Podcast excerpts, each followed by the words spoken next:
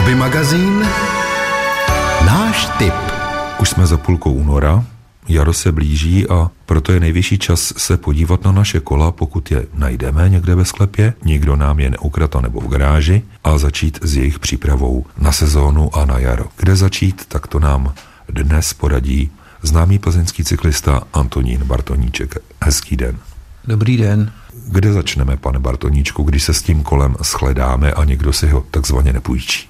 Tak jak jste řekl na začátku, hlavně to kolo najít, uvědomit si, kam jsem ho na podzim dal. A všichni ty, kteří měli čas na podzim nebo přes tu zimu to kolo strčit do servisu, kde spoustu času bylo na ty opravy základní, na to prohlídku, tak pokud to neudělali, tak když to kolo teďka vyndají, tak první by bylo, aby se podívali na ty základní funkce na tom kole, to znamená, aby byly nafoukané pneumatiky, aby byly brzdy v pořádku, aby to osvětlení, který jsem měl vepředu vzadu, mělo správné baterie a pak nezbývá, než to kolo si vyndat někam před barák, vzít si košťátko s nějakým mycím prostředkem a pomaličku si to kolo umývat, protože určitě přes tu zimu, nebo když jsme ho tam na podzim dali ještě ke všemu špinavý, tak tuhle tu údržbu potřebuje. A nejenom, že to kolo bude čistý, ale já tím pádem můžu odhalit třeba nějakou určitou prasklinu nebo poškozený plášť nebo obrzděnou gumičku, protože detailně se na tohleto kolo při tom mytí dívám. Gumičku si u brzd vyměním, ale jak to bude s brzdami kotoučovými? Ty má také hodně kol. Tak prakticky, když je člověk šikovný a už s tím kolem něco zná nebo má svý kamarády, který mu poradí, tak spousta těchto věcí se dá udělat sama, protože ty opravy nejsou tak složitý. Složitější je potom teda výměna té brzdové kapaliny, pokud jsou to kapalinové brzdy, pak je to vidlice a jsou to ty tlumiče, které už vyžadují tu speciální opravu, tam už já si těžko něco budu dělat, protože na to nemám nářadí, ale takový ty základní věci, jako říkám, seřízení těch brzdových gumiček, výměna destiček se dá udělat sama, jináč teda je spousta odborných servisů, který vám v tom rádi poradí nebo vám to i opraví. Co je na tom vyměnit si brzdovou kapalinu?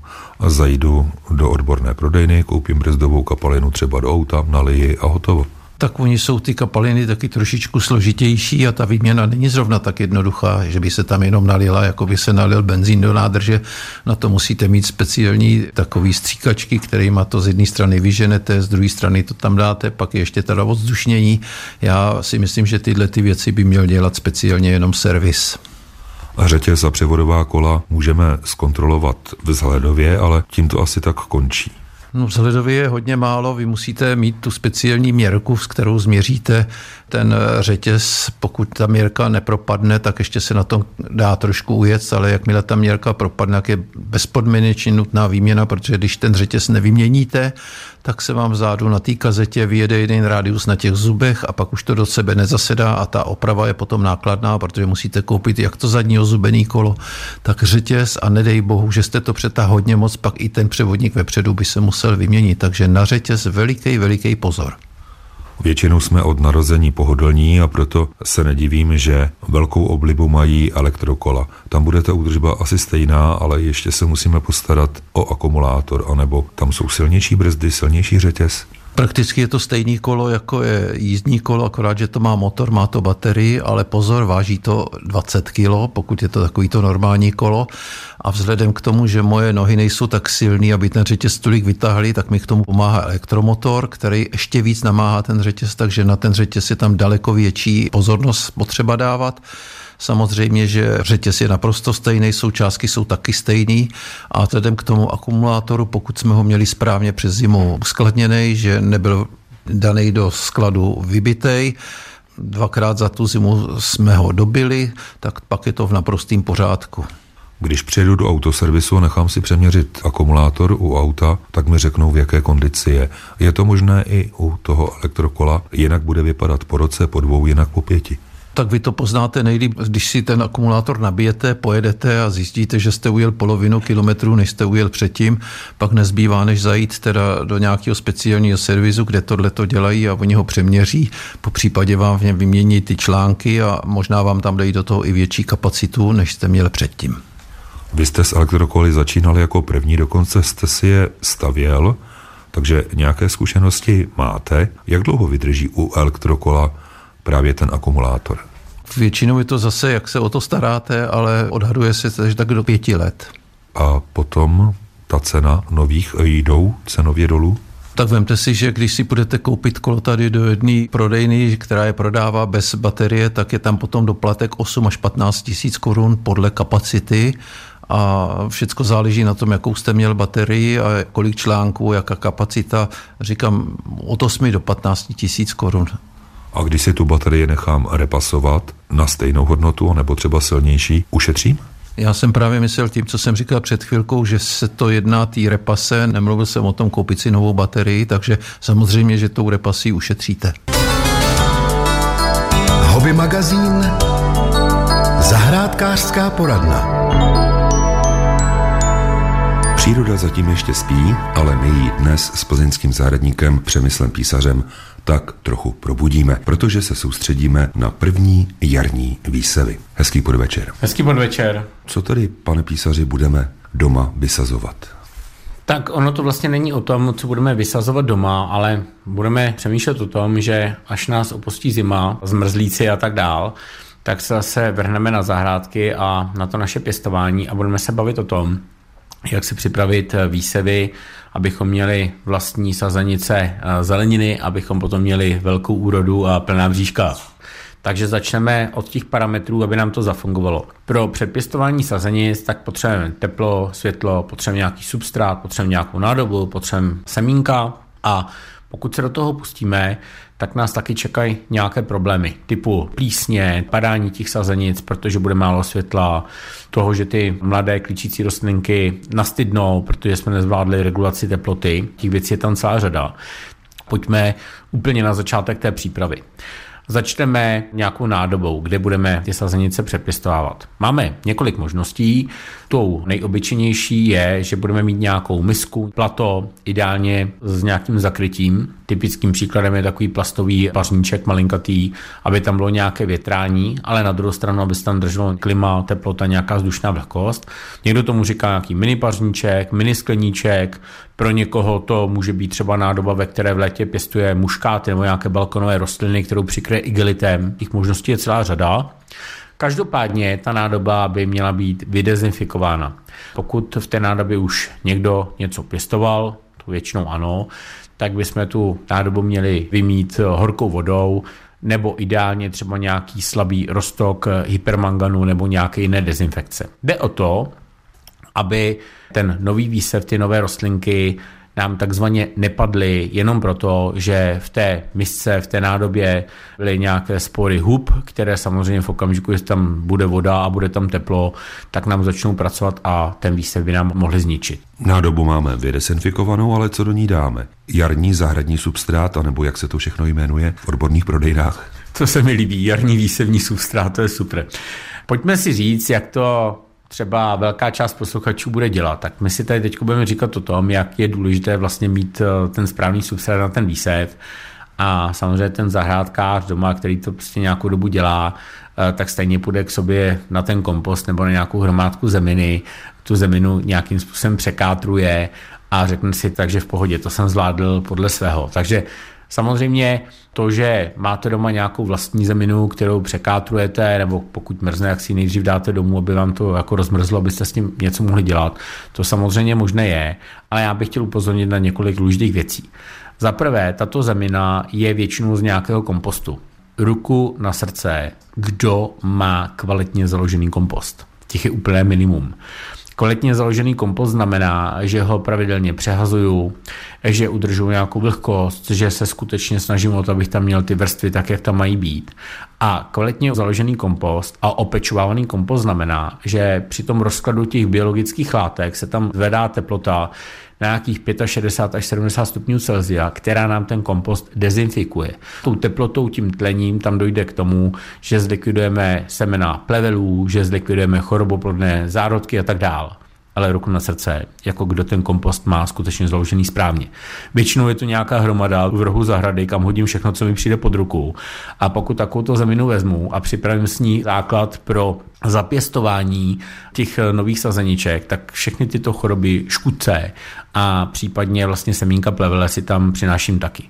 Takže kdo by se tady tomu chtěl vyvarovat, tak si takovou zeminu připraví a pak ji třeba dá do trouby a zapeče jí jako opravdu v troubě. Ideálně se ta sterilizace, dezinfikace dělá třeba propařování. Máte někde horkou vodu, třeba jako opravdu v troubě, a na to dáte právě ten substrát v nějaké propustné nádobě v nějakém sítu nebo v něčem, aby ta pára prostupovala nahoru. Ano, to samozřejmě jako lze, ale jenom když eh, mě takhle teď posloucháte, představte si, kolik je s tím práce a jak moc velká šance je, že se vám to nepovede a pak vám ten výsev spadne. Takže já bych vřele doporučil touto cestou nejít zajít do specializovaného obchodu a koupit si výsevní substrát. A u toho výsevního substrátu vy máte jistotu, že nebudete řešit všechny ty věci, které jsem teď zmiňoval, že ten substrát je složený tak, aby vyhovoval právě tím klíčícím semínkům a tím rostlinám, aby to všechno dobře zafungovalo. Takže za mě doporučuji jít touto cestou. S plzeňským zahradníkem Přemyslem Písařem si povídám o prvních letošních výsevech.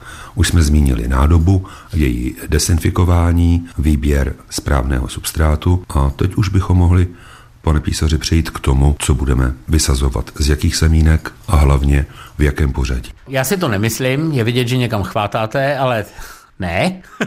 Takže teď nás čeká ještě další věc. Teplo, světlo, vlhkost a co a jak. Pokud eh, máme připravený ten výsevní substrát, máme nádobu, ve které budeme vysévat, já bych se teď jenom chtěl zeptat, když nám semínko klíčí v těch prvních dnech, než naklíčí, a to může být různý, protože třeba salát klíčí úplně jinak dlouho než paprika, myslíte si, že potřebujeme tím rostlinkám zajistit dostatek světla? Je to potřeba? Nepotřebujeme, protože to semínko je schované v zemi. Přesně tak. Což teda ale taky znamená, že nemusíme kvůli tomu, aby nám vyklíčili nějaká semínka, tak dál vytápět celý skleník. Mám pravdu? Máte pravdu, takže stačí kotelna. Takový výsev můžeme udělat klidně někde doma, kde je teplo, kde je vlhko, dokonce tam na tu prvotní fázi nemusí být ani světlo. Musíme jenom zajistit to, že tam máme dostatečnou teplotu a většina těch semínek bude jako ideálně klíčit mezi nějakými 18 a 22 stupni, což teda teď, když jako snažíme šetřit energie, tak by v těch domácnostech snad mělo být. V té první fázi, dokud ta semínka jako nevyklíčí, neukážou se, tak skutečně nepotřebujeme ani světlo. Ale jakmile se to začne dít, tak je potřeba, aby ty semínka toho světla měly co nejvíce.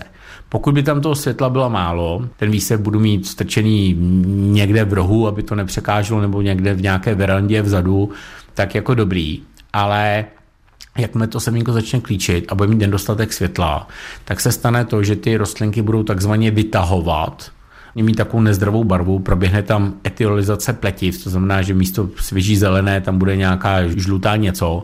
Ta klíčící rostlinka se velmi rychle vysílí a potom je velmi náchylná k tomu, aby tam vlastně vstoupila třeba plíseň čeda nebo jakýkoliv jiný škůdce a o celý ten výsev jako velmi rychle můžete přijít.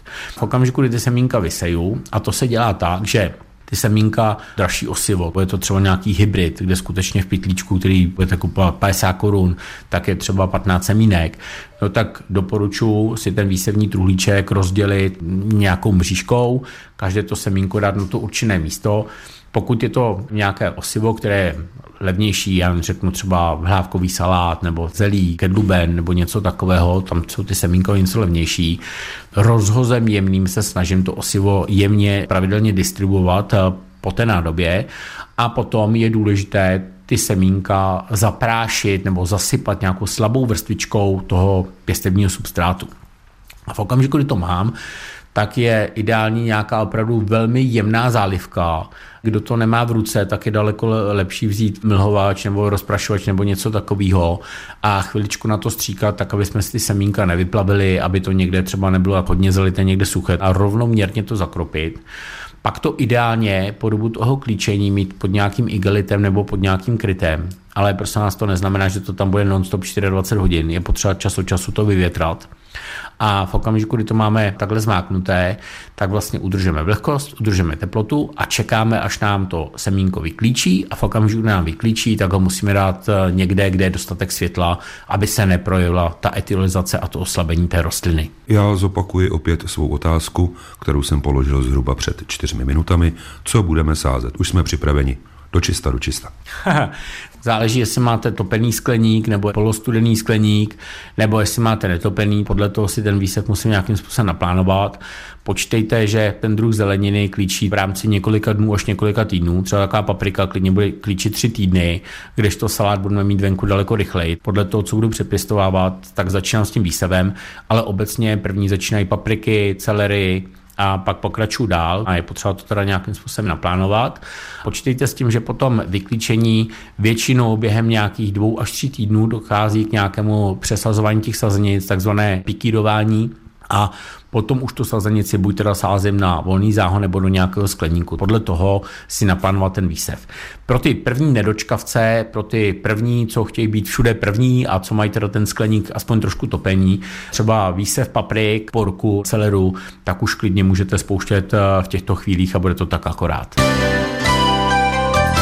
Hobby magazín Chalupářské okénko Doma nebo na chalupě už to máme jednou dané. Topíme například kamínky na uhlí, anebo máme ještě krásnou kachlovou pec, anebo máme krbová kamna a ta šíří teplo také zajímavým způsobem. Na internetu jsem viděl spoustu návodů, jak zvýšit účinnost například kamen, ale i radiátorů u těch moderních plechových, tak se na spodek toho radiátoru přicvakne jakási lišta, v které jsou mezaxiální ventilátory, připojí se normálně do zásuvky a když ten radiátor má teplotu kolem 40-50 stupňů, to jde všechno nastavit, ty mezaxiální ventilátory se rozvrčí a teplo jde přes ten plechový radiátor nahoru a tudíž přitápí v místnosti.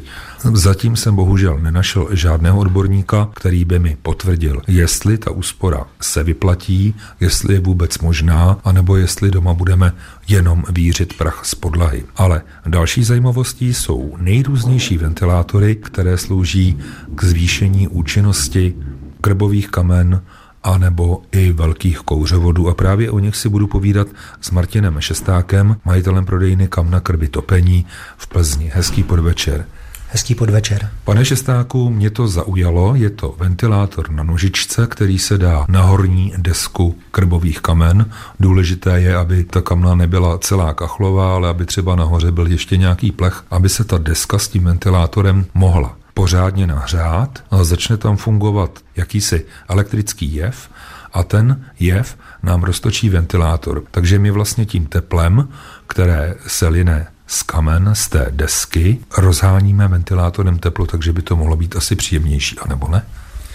Tato zařízení se využívají za principu Peltierova zákona, kdy při určité teplotě dochází k pohybu elektronů a tím pádem dochází k vzniku elektrické energie a roztočí se ventilátorek, který usměrňuje dané teplo. Takže místo, aby mi šlo teplo nahoru do stropu, tak ventilátor mi ho bude hnát po místnosti. Kam natočíte ten daný ventilátor a záleží s ustavením toho daného ventilátoru, tak bude směřován ten tok teplého vzduchu. Další možností je dát tento ventilátor na kouřovod krbových kamen na rouru. Ta se pravděpodobně rozpálí asi jako první, protože těm kamnům to chvíli trvá. Ventilátor se roztočí a vlastně saje studený vzduch, který je za rourou, přes tu rouru a žene nám ho do místnosti, když to přeženu takto technicky ten ventilátor vlastně rozvíří pohyb toho daného vzduchu, tímto se zvyšuje účinnost eh, toho tepla do prostoru cirka tak od 10 až 22 kteří avizují výrobci. Je velice jednoduchý a když ťuknu jenom do té vrtulky, tak se roztočí krásně a lehonce, takže je to hodně jemná mechanika. Je to velmi jemná mechanika. Ta účinnost toho zařízení není vysoká, ale co se týče rozpohybování toho teplého vzduchu, bohatě postačí. Pozor, nebrzděte větrník. Takže na tom kouřovodu musím nechat vyhasnout kamna, jinak ten ventilátor nevypnu. Přesně tak. Buď sejmout daný eh, ventilátor, anebo nechat ho dotočit s ubývajícím teplem. Daný ventilátor, o kterém se bavíme, má magnetický základ, který se na kouřovod upevní na základě magnetické síly. Hobby magazín zaujalo nás. Dnes jsme vyrazili na Slovany na zajímavý developerský projekt společně s Tomášem Sislem z Institutu zdravého bydlení a majitelem bytu v jednom z těchto domů. Proč, pane Sisle? Obrátil se na nás posluchač a celé je to o tom, že máme relativně nový developerský projekt, kde jsou určité stavební vady a posluchač si stěžoval na vysoký výskyt plísní, zvýšenou vlhkost v bytě a prakticky nízké teploty. Ten byt je nevytopitelný jeho slovy. Pan posluchač je společně s námi. Co vám na novém bytu skoro za 5 milionů vadí? Jako rodina se rozrůstáme. My jsme dřív měli vlastně dva jedničku a rozhodli jsme se po pěti letech, že teda budeme investovat do nového bytu, aby jsme jako rodina, dva dospělí, dvě děti bydleli v něčem hezkém. No. Tak jsme si vzali obrovskou hypotéku, kterou budeme splácet asi do 70 let a výsledek po druhé zimě je ten, že s ohledem na ty plísně ve finále ani tu místnost používat nemůžu, nechci, aby tam ty děti trávili čas, nedej bože spali, protože to už nejsou plísně, to pomalu sbíráme žampiony, že jo, když to přeženu. Tři čtvrtě roku ten byt je obyvatelný, ale jakmile klesnou teploty, dejme tomu pod minus 5 stupňů a sněží, prší, je prostě velká vlhkost, tomu nezabráníte ničemu, ani větráním, co jsem to pořídil, odvlhčovač, prostě ty plísně jdou, no. Nesmíte pomalu vybavit místnost nábytkem, protože za nábytkem nedostatečně, že jo, průtok vzduchu a zase se tam tvoří plísně, prostě plísně, plísně, plísně, plísně. A když si uvědomuji do detailu, že já jako osoba pracující, která od rána do večera v práci potom s rodinou a, a vyděláte prostě 20 na hypotéku a ten byt ve finále, kdybych se rozhodl zítra prodat, tak ho ani neprodám, protože s touhle vadou mi to ten budoucí kupující, který bude trochu znalej stavební problematiky, tak mi ho omlátí v hlavu a bude se soudit se mnou a ten byt je neprodejný. Pro mě je to investice, kterou mám splácet do svých 70 let za nula prostě a ještě s problémama. To je hrozný tohle. A jak se k tomu zachoval ten developer, který vám byt prodal? Tak já bych chtěl developery za prvý dát eh, ještě šanci k vyjádření v letošním roce 24. Já jsem ve vztahu, že samozřejmě se reklamoval řádně tyhle ty problémy v roce 23. Samozřejmě někdo přijde, eh, změří to jeden den termokamerou, je to špatně, něco se tam stane, přijde za týden, změří to termokamerou, je po problému, Nedostatky spojené třeba s děravým balkonem byly řešeny nějakým zatmelením, nevím, jestli je to správný postup, prej ano. V roce 2024 jsem se rozhodl, že než oslovím developera s tím, že ty problémy přetrvávají. Chtěl by mít nějaký opravdu podklad eh, od odborníka. Mě nezajímá finanční kompenzace, mě zajímá technické řešení, abych ten byt mohl eh, řádně užívat a mé děti v tom bez rizika mohly bydlet a hledám pomoc. Hledám pomoc pro mě v těžké životní situaci. Poslouchá nás Tomáš Sisel. Tak sám jsem developerem byl, takže bude to o komunikaci obou dvou stran, jak klienta, tak toho prodávajícího. Spíše o tom přijít na to, kde ta chyba nastala, proskoumat projektovou dokumentaci, která nám do detailu řekne jak ten konkrétní stavební detail měl být proveden a porovnat s tou skutečností, která na té stavbě ve skutečnosti je. To se týká i třeba toho dodatečného zateplení podlahy, protože tam třeba nevíme, zdali ten dotyčný stavby vedoucí nebo ta stavební firma jenom neodhadla tu tloušťku té izolace a neudělali ji podle nějakých svých znalostí, než aby ji nechali zase nákladně spočítat, kolik tam právě má být. Pak, když nevíde developer klientovi vstříc, může se toto řešit soudně, tak takový spor mnohdy trvá i tři roky, ale jak říkám, zaplať pámbu, stavebnictví je o výpočtech, o výkresech, takže všechno je dohledatelné a doložitelné. Neházel by jsem flintu do žita. Ale jak z toho ven? Měli bychom dávat pozor na to, co se děje, pak, když vím, že byt budu kupovat, tak klidně chodit už po té stavbě. Tohle jsou věci, které jsme si ukazovali v té předešlé reportáži. Pod tou omítkou, ať vnější nebo vnitřní, ty vady nejsou vidět, ale právě se stane tady to, pardon za ten výraz, to peklo, kdy my jsme pak neschopni si odpočinout, protože se vracíme někam, kde bychom měli odpočívat, jsme jenom ve stresu, máme tam zimu, protože pořád větráme, takže si ani neodpočne to naše tělo a na konci žijeme v totálně stresujících podmínkách, nehledě na to, že samotná přítomnost plísní je v rozporu s normami, nemá to tak být, porušuje to všechno, co může.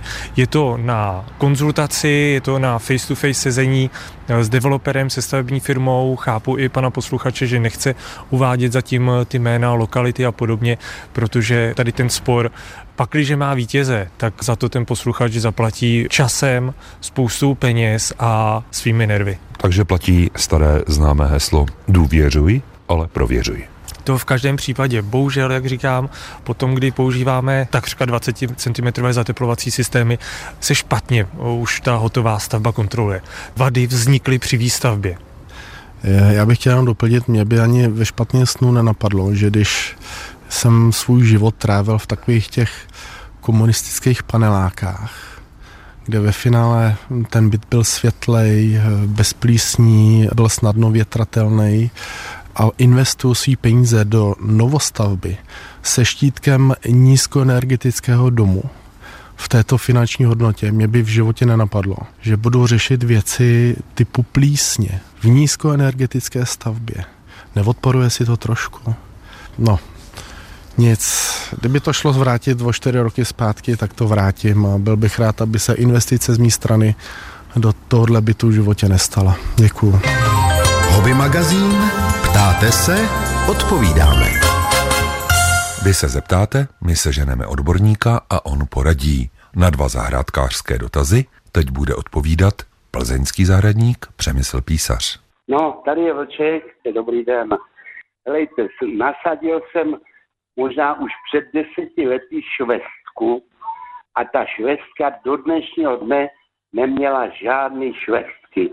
Tak bych rád věděl, co může ty švestce chybět. Jo, nějaké hnojivo nebo něco jiného. Jinak tam má dobrý jako místa kolem dost. Myslím si, že tam je i dobrá půda, ale nerodí vůbec nic. Děkuju, nashledanou. Pane posluchači, těch důvodů, proč vás trápí švestka, může být skutečně jako celá řada.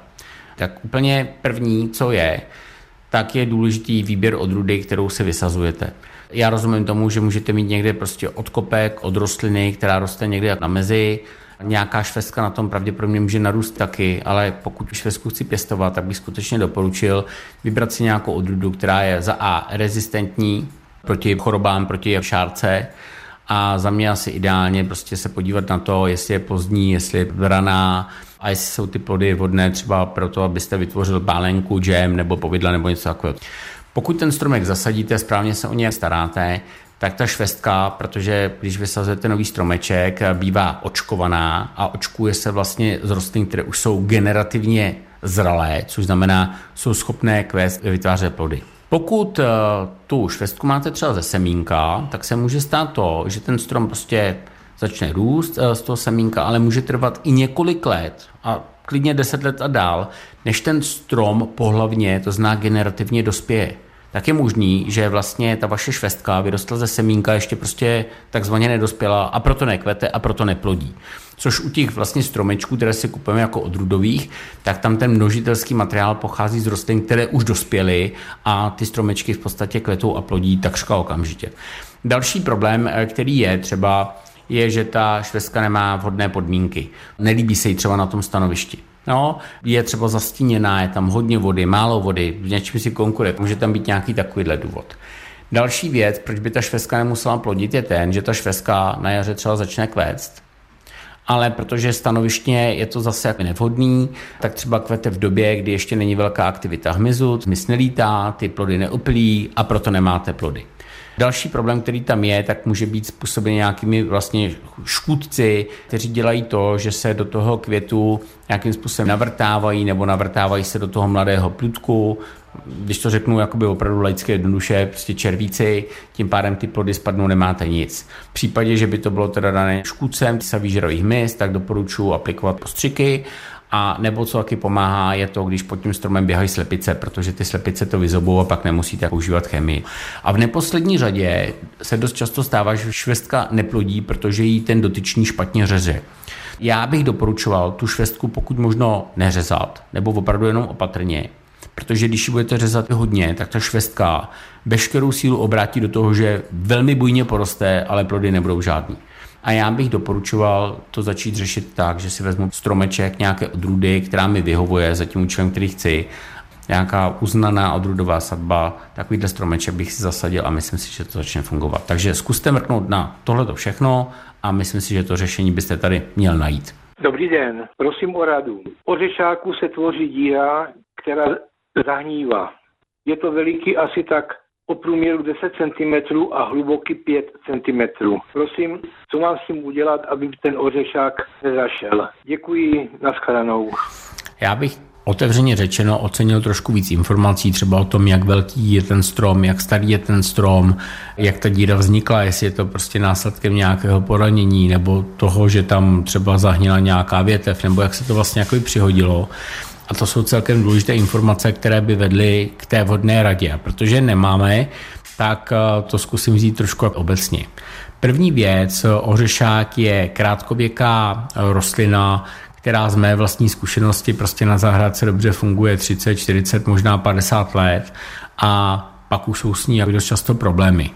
Problémy s ní mohou být i daleko dřív, pokud dojde k nějakému poškození toho kmene. Třeba špatně uříznete větev, která nebude uříznutá na větevní kroužek, necháte ji vlastně na rostlině zahnít, že tam zůstane vlastně nějaký čípek a tím čípkem stoupí infekce do toho řešáku.